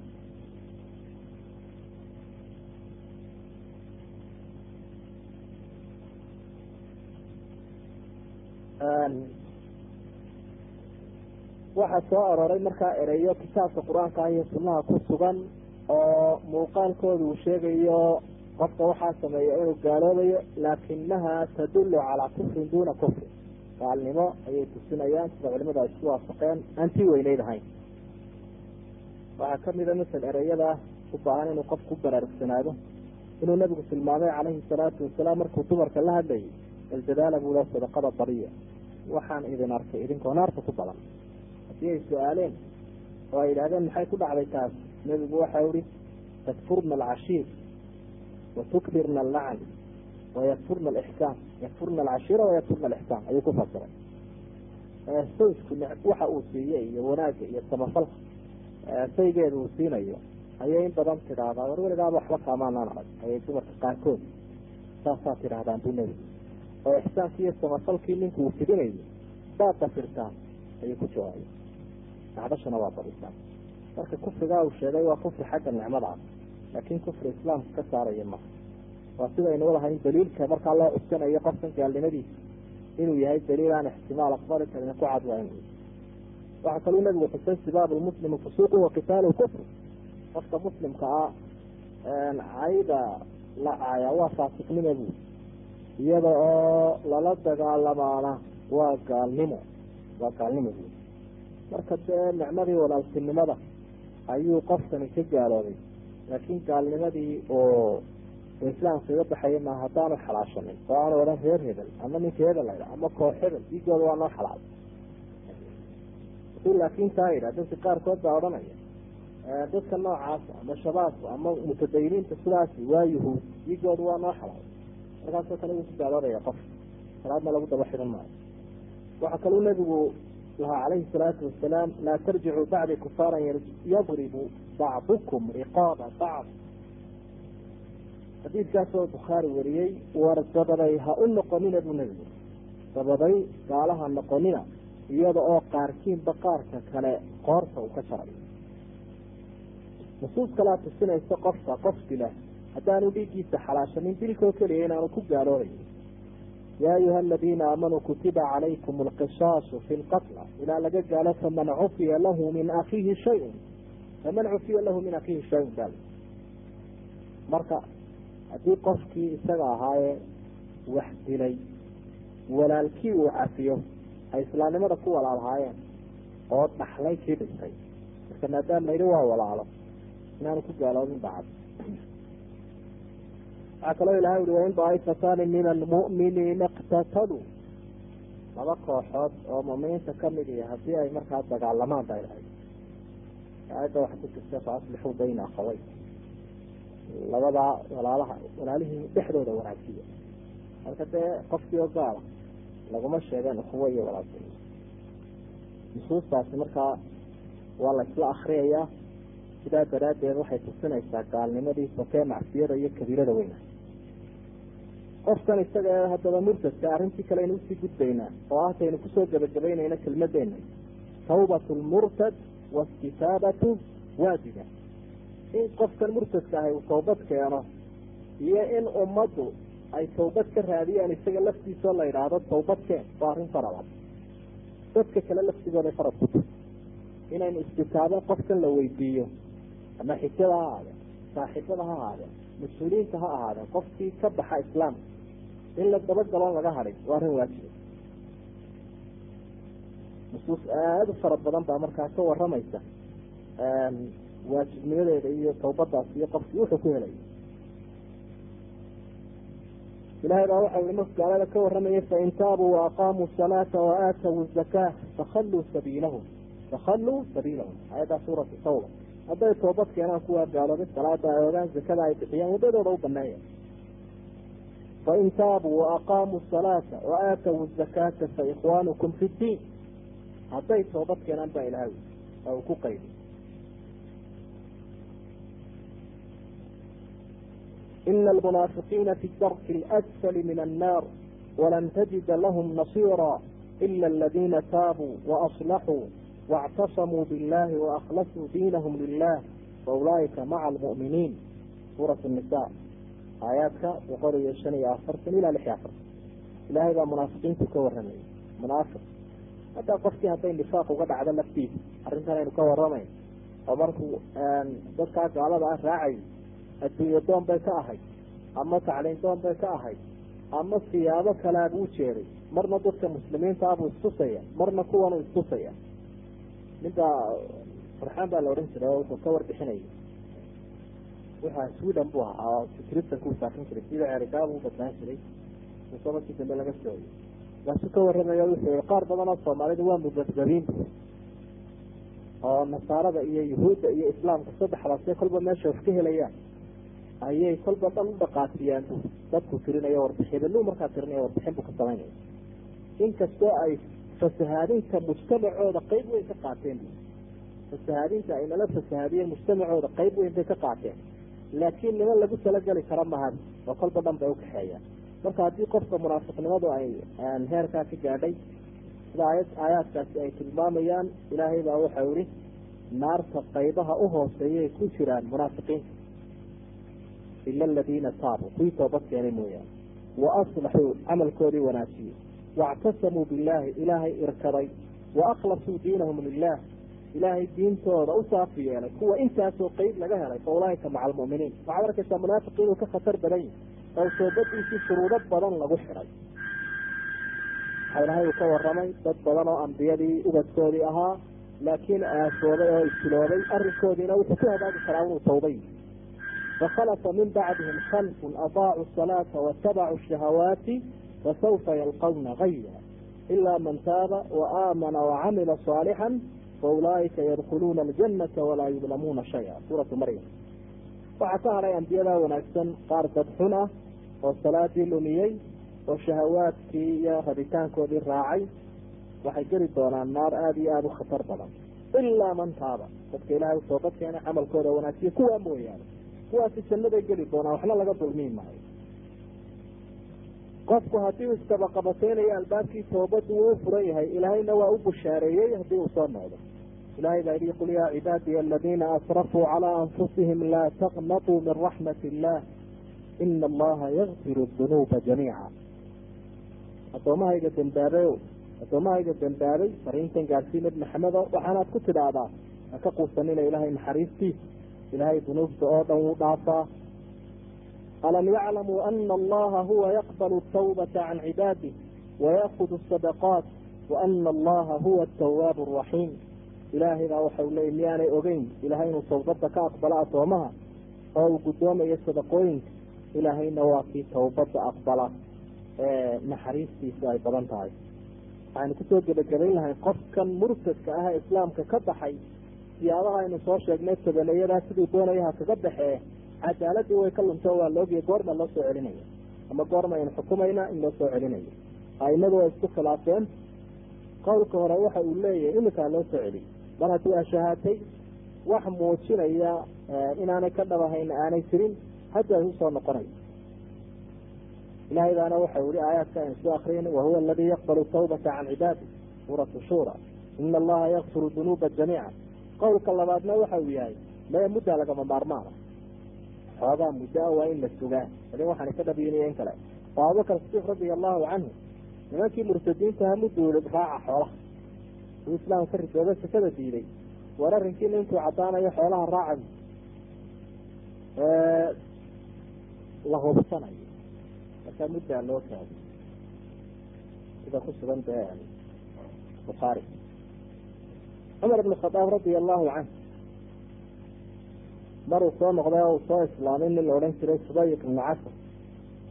Ayaa wuxuu amray allaa yukalama ilaa bacda sana horta sanada ganaxnaada bu mar hadduu ninkani bidcadii dee intaa uu kusuga ka toobadkeenayo imika marku soo noqday muddaha jooga buri sanada marka iyadoo nusuusta iyo aahaarta iyo la soo qaadanayo horta ha loo kaadiyabayna qofka inta la hubinayo cadaaladiisii waxba yaan lagu degdegin yaan lagu degdegin. Oo dee cadaaladii wax badan baa ku xidhan markhaatigiisii iyo wilaayadiisii iyo xuquuq badan baa markaa la xidhiidha.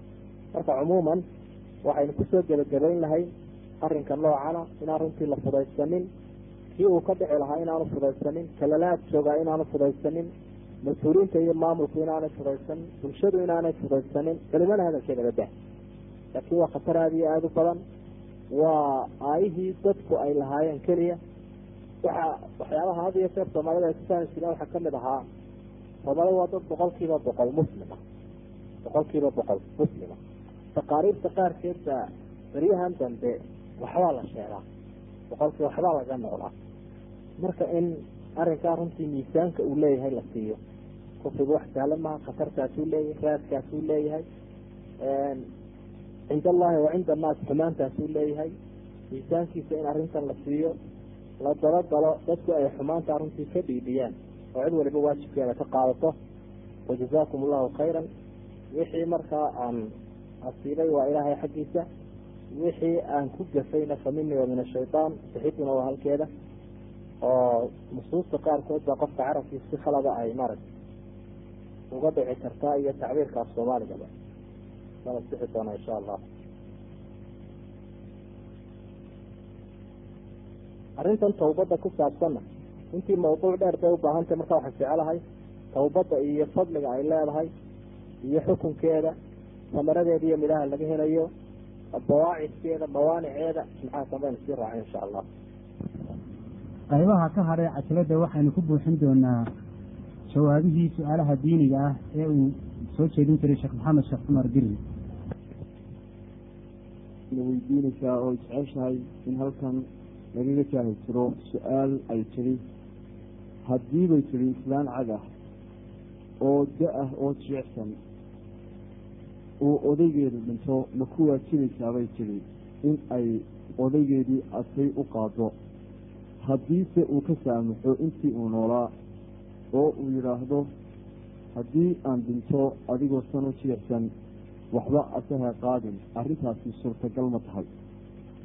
Bismillahi alxamdu lilah wasalaatu wasalaamu calaa khatimi alambiyaai walmursaliin nabiyina muxamedi wacalaa aalih wasaxaabati ilkiraam wasalama tasliima kasiira uma ama bacd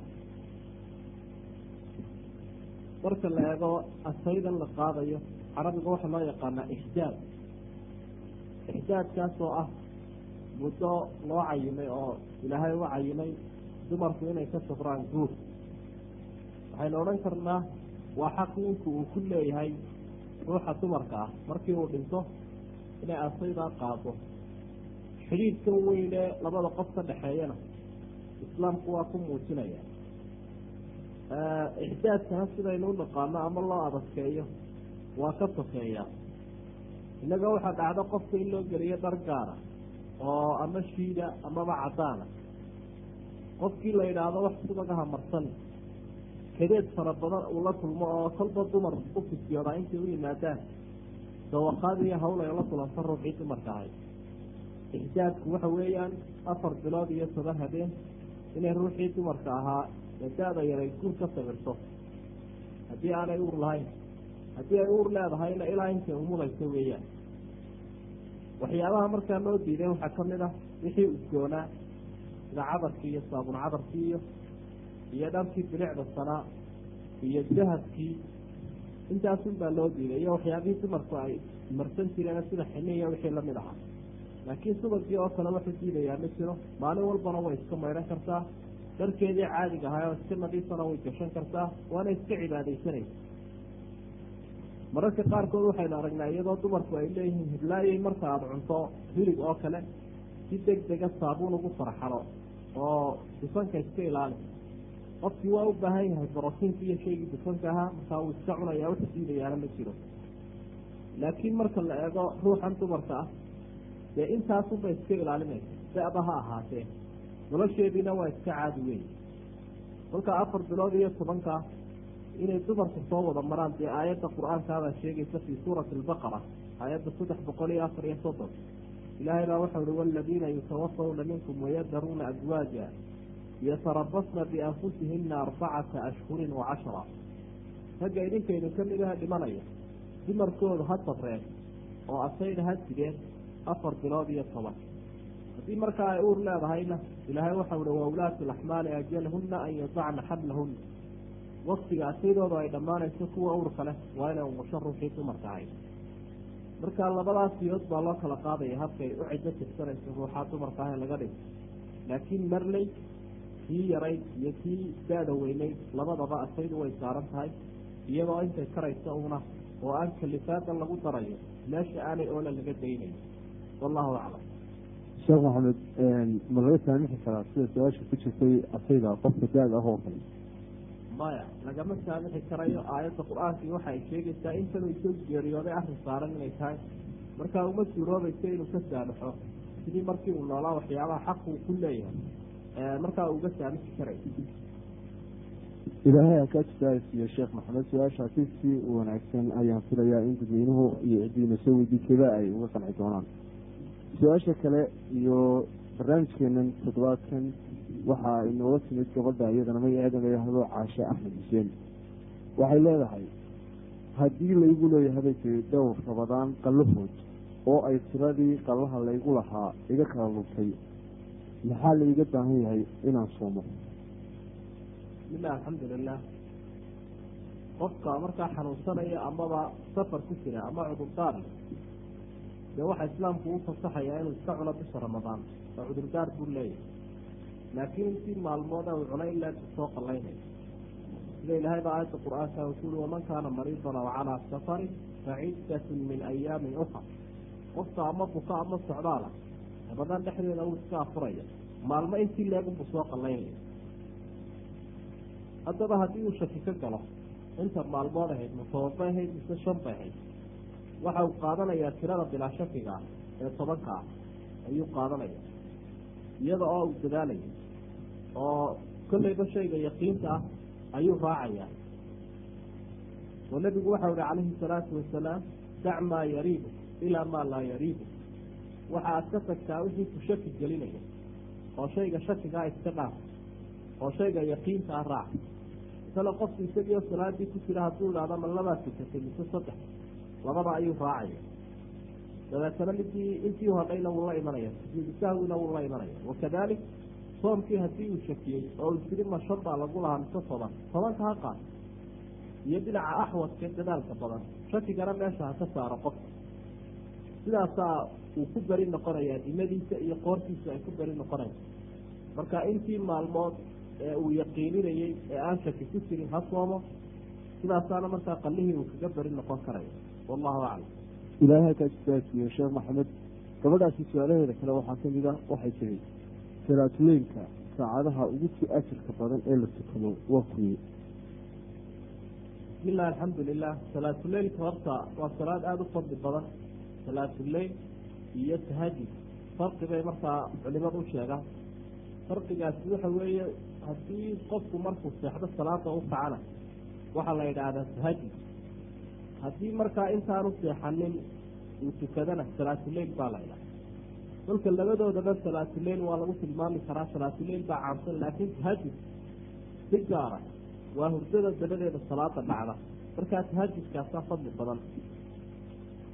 Habeenka marka saddex meelood loo qaybiyo waa saddex meeloodoo min afar saacadooda saddex meeloodoo min afar saacadooda labiyo tobankaa saacadood. Wey kolkaa afarta saacadooda ugu dambeeya ee labada habeennimo laga bilaabo. Ilaa inta laga gaarayo salaada subax lagu dhowaanayo intaasaa ugu fadli badan.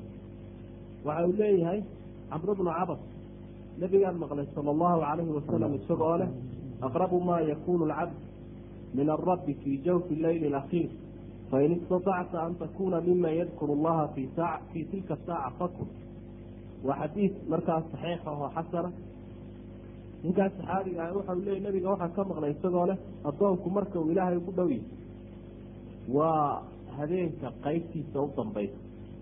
Marka inuu waktigaa cibaadaysto oo cibaadada ku dadaalo taasaa fadli badan.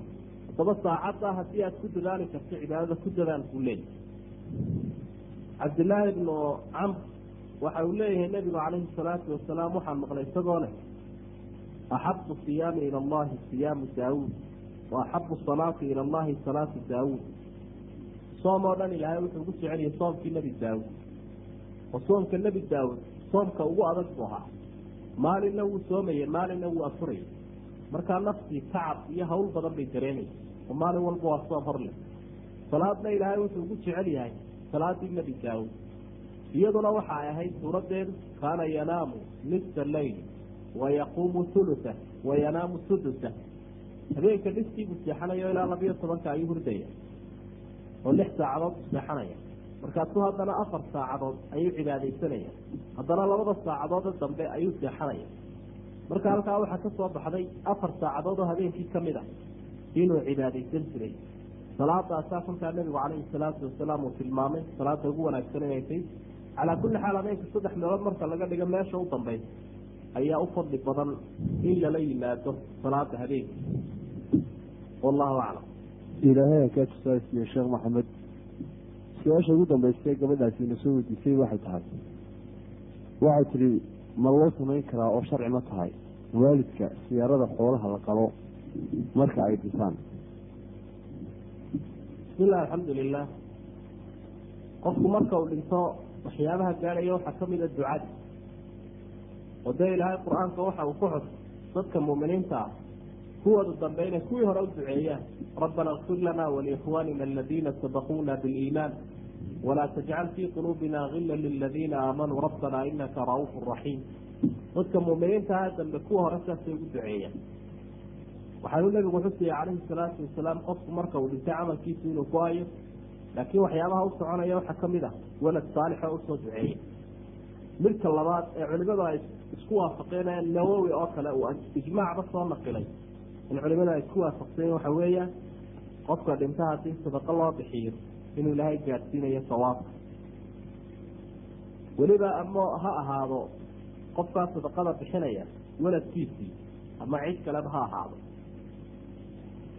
Waxaa arrintaa muujinaya aynu u soo daliishanaynaa labada xadiid xadiid axmed iyo muslim ay wariyeen oo saxiixa abi hurayra nabiga ka warinaya nin baa nabiga u yimi calayhi salaatu wasalaam markaasaa wuxuu ihi aabbahay wuu dhintay xoolana waa ka tegay nebi maxamedow mana dardaarnin haddaba sawaab ma ka helayaa iyo ajri haddii aan sadaqo ka bixiyo xaggiisa haddii macnaha halku isagu wax ka bixin lahaa intoo wakiil noqdo anigu aan bixiyo. Ma ka helaya ajri markaa nebigu waxau ihi calayhi salaatu wasalaam nacam. Waa ka helaya haddii aad sadaqo u bixiso waalidkaaga. Ilaahay sawaabkii waa gaadsiinaya waa xadiidkaas. Xadiidka labaad sacd ibnu cubaada ayaa warinaya waxa uu leeyahay hooyaday baa dhimatay markaasaa rasuulka u yimi sala allahu calayhi wasalam markaa waxaa nebi maxamedoo hooyaday way dhimatay intii ay geeriyootay kadib sadaqo ma ka bixiyaa xaggeeda. Si ilaahay sawaabkeeda u gaadsiiyo haab kolkaa waxaan ku ihi sadaqa maxaa ugu fadli badanaan hooyada u bixiyaa nabigu wuxuu igu jawaabay buuri calayhi salaatu wasalaam saqyulmaa ceel biyo ah oo aada waqaf uga dhig marka xasan baa waxa uu leeyahay xadiidka ka sii warinaya sacad. Halkan aa aragteena madiine ku taalee la yidhaahdo siqaayatu aali sacad. Ceelkii markaa aalu sacad ee biyaha dadku ay ka cabaan bilaashka ah. Maalintaa ceelkii la waqfay buu ahaa. Kolka labadan xadiid ba aynu eegno. Sadaqadii gaar ahaan ubadku ay u bixinayeen waalidka inay ansaxay ayaa kolkaa laga qaadanaya. Midka laakiin dee aan ka sugnaanin salafkii iyo asxaabkii iyo waxau ahaa sadaqada waktiga gaarkaa loo yeelayo. Ama qofku markuu dhinto un dee waajibka iskaga dhigayo ama sanadkiiba mar laga dhigayo taa maya. Laakiin waktiga ay qofka duruufta u saamaxdow isagoo wakti gaara ku beegeen ciidna ka dhigay waayo waktiga duruufta u saamaxdow sadaqadaa uu bixiya oo aan wakti lagu xadidin. Wallahu aclam. Sheekh maxamed haddii aan soo gebagabeeyey toddobaadkan su'aalaha oo fara badnaa bal barnaamijkan intaynu kaga jawaabayno su'aalaha waxa uu inooga timid oo aynu ku soo gunaanadi lahayn ninka la yidhaha magaciisa ku soo gaabiyey ha ninkaasi bacda salaanta islaamka kadib waxau leeyahay diinta islaamku maxay ka qabtaa in dumarku ay booqdaan xabaalaha? Bismillahi alxamdu lilah aimada oo sidaa ay u badan yihiin waxa weeye in dumarku ay ziyaaran karaan qubuurta inkastoo culimada qaarkoodna diidaan sababtuna waxa weeyaanun xagga adilada oo axaadiista qaarkoodna ay diiday qaarkoodna ay ogolaatay. Laakiin kuwa ogolaanshaha ayaa badan bay leeyihiin ay rajaxeenna markaa culimadaas. Xikmadda loo diyaarinayaana waxa weeye in wax laga raadsado ma aha laakiin waa loo ducaynaya. Waxa labaadoo loo tegayaa si loogu cibro qaato oo qofkii aakhiro ugu xusuusto oo ogaado saaxiibkiisii ka horreeyey kol hadduu halkan gala isaguna inuu halkan ku dambayn doono. Cabdillaahi bni abi mulayka waxa uu leeyahay caasha oo xaaskii nebiga ah radia allahu canhu ayaan maalin la kulmay iyadoo xagga xabaalaha ka soo socota markaa waxaan ku yihi hooyoy xaggaad ka timid. Waxay igu tihi walaalkay cabdiraxmaan ibni abakar qabrigiisii ayaa ka imi kolkaasaan su'aal weydiiyoon ku idhi oo dumarka miyaanu nebigu u diidin inay xabaalaha siyaartaan kolkaa waxay igu tihi waa diiday laakiin mar danbuu fasaxay. Uma amara biziyaaratiha saxiix buu ku sheegay alimaamu dahab. Anas bnu malik waxa uu leeyahy nebigu calayhi salaatu wasalaam waxa uu soo maray maalin ruux dumarahoo ilmo yar intuu ka dhintay qabrigiisii ka dul ooyay. Markaasuu nebigu ku yihi ilaahay ka cabso iska sabir oo hinta iska daa may garanayn markaa inuu nebi maxamed yahay waxay tidhi xaggaa iga bayd balaayada igu dhacday baan kugu dhicin xaggaa ii dhaafbay markii dambaa loo sheegay inuu nebigii yaha calayhi salaatu wasalaam way guclayso way ka daba carartay waxay tidhi iga raalli ha kumaan garanaynin erey qallafsan baa kugu idhi markaasuu nebigu calayhi salaatu wasalaam taa isaga ku saabsan waxba ma xaalaynayo dhib lama leh. Ee waxa uu ku yidhi inama asabru cinda asadmati aluulaa waxaan kuu sheegayaa heblaayadaada sabirka qofku uu ajriga ka helayo waa jugta u horreeya qofka marka ay ku dhacdo ayay tahay inuu sabro. Ee sabirkaagu waa inuu arrinkiisa u dhaca maaha habkaynu u soo daliishanayna xadiidka waxa weeyaan nebigu markuu arkay islaamtan oo qabrigii dul joogto muu odhanin qabriga ka tag oo muu diidin laakiin sabir unbuu markaa faray. Halkaa waxaa laga qaadanaya in ziyaaradii dumarku ay iska bannaan tahay ayay leeyihiin culimadu. Imaamu lqurtubi oo kale waxa uu leeyahay axaadiista ku soo aroortay in dumarku qabriga aanay siyaaran karin waa marka ged kale uu imanayo masalan xaqii ninkeeda ay dayacayso iyo kii carruurta iyo kii reerka amaba ay ka dul barooranaya qabrigii argagax imanayo markaasaa nahyigani imanaya laakiin asalnimo way ugu bannaan tahay buu leeyahay. Markaa inagoo daliishanayna axaadiista imaamu shawkanina sidaasuu markaa ku waafaqay iyadoo adilada la jamcinayo axaadiistu si aanay isaga hor imanine ay dhan ugu wada jeesato. Markaa waxaynu rajaxaynaa wixii dee islaamka dhibku aana in laga ilaaliyo sida mataqa baroorka oo kale macsiyo lagu dhex sameeyo xabaalihii oo wax la moodo oo markaa wax laga raadsado arrimaha in laga ilaaliyo wey laakiin marka lagu waantoobayo rag iyo dumarba waa la siyaaran karaa qubuurtii loola ducaynayo wallahu aclam. Waxay naga soo gaadhay nin aan isagu magaciisa ka soo sheegin. Waxau jecel yahay ninkaasi in looga jawaabo oo laga jaahil jiro bal hadda waxa ay diinta islaamka ka qabto turubka iyo sugnada buu yihi haddii aan khamaar lagu ciyaarayn oo aan lacag kala helayn ma xaaraan baa mise waa xalaal ciyaartooda. Waxaa kaluu doonayaa in laga jawaabo waxa la yidhaahdo maysirka waxa ay diinta islaamku ka qabto iyo waxa uu ka kooban yahay. Bismi illaahi araxmaani araxiim alxamdu lilaahi rabbi alcaalamiin wasalaatu wasalaamu calaa khatimi alambiyaai waalmursaliin sayidi alawaliina waalaakhiriin nabiyina muxamed bni cabdillaah wacalaa aalihi waasxaabihi albararati alasqiyaa wasalama tasliima kasiira uma ama bacd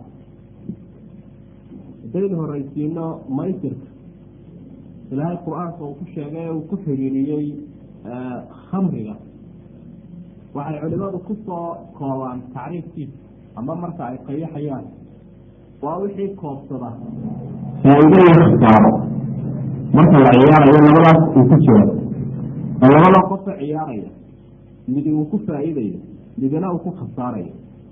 Waa khabaar weeye kaas marka ciyaartiisa iska daayo dee inay xaaraam tahay iyada qur'aankuba waa xus laakiin xataa nebi maxamed waxa uu xusaya calayhi salaatu wasalaam qofka saaxiibkii ku ihahda man qaala lisaaxibi tacaala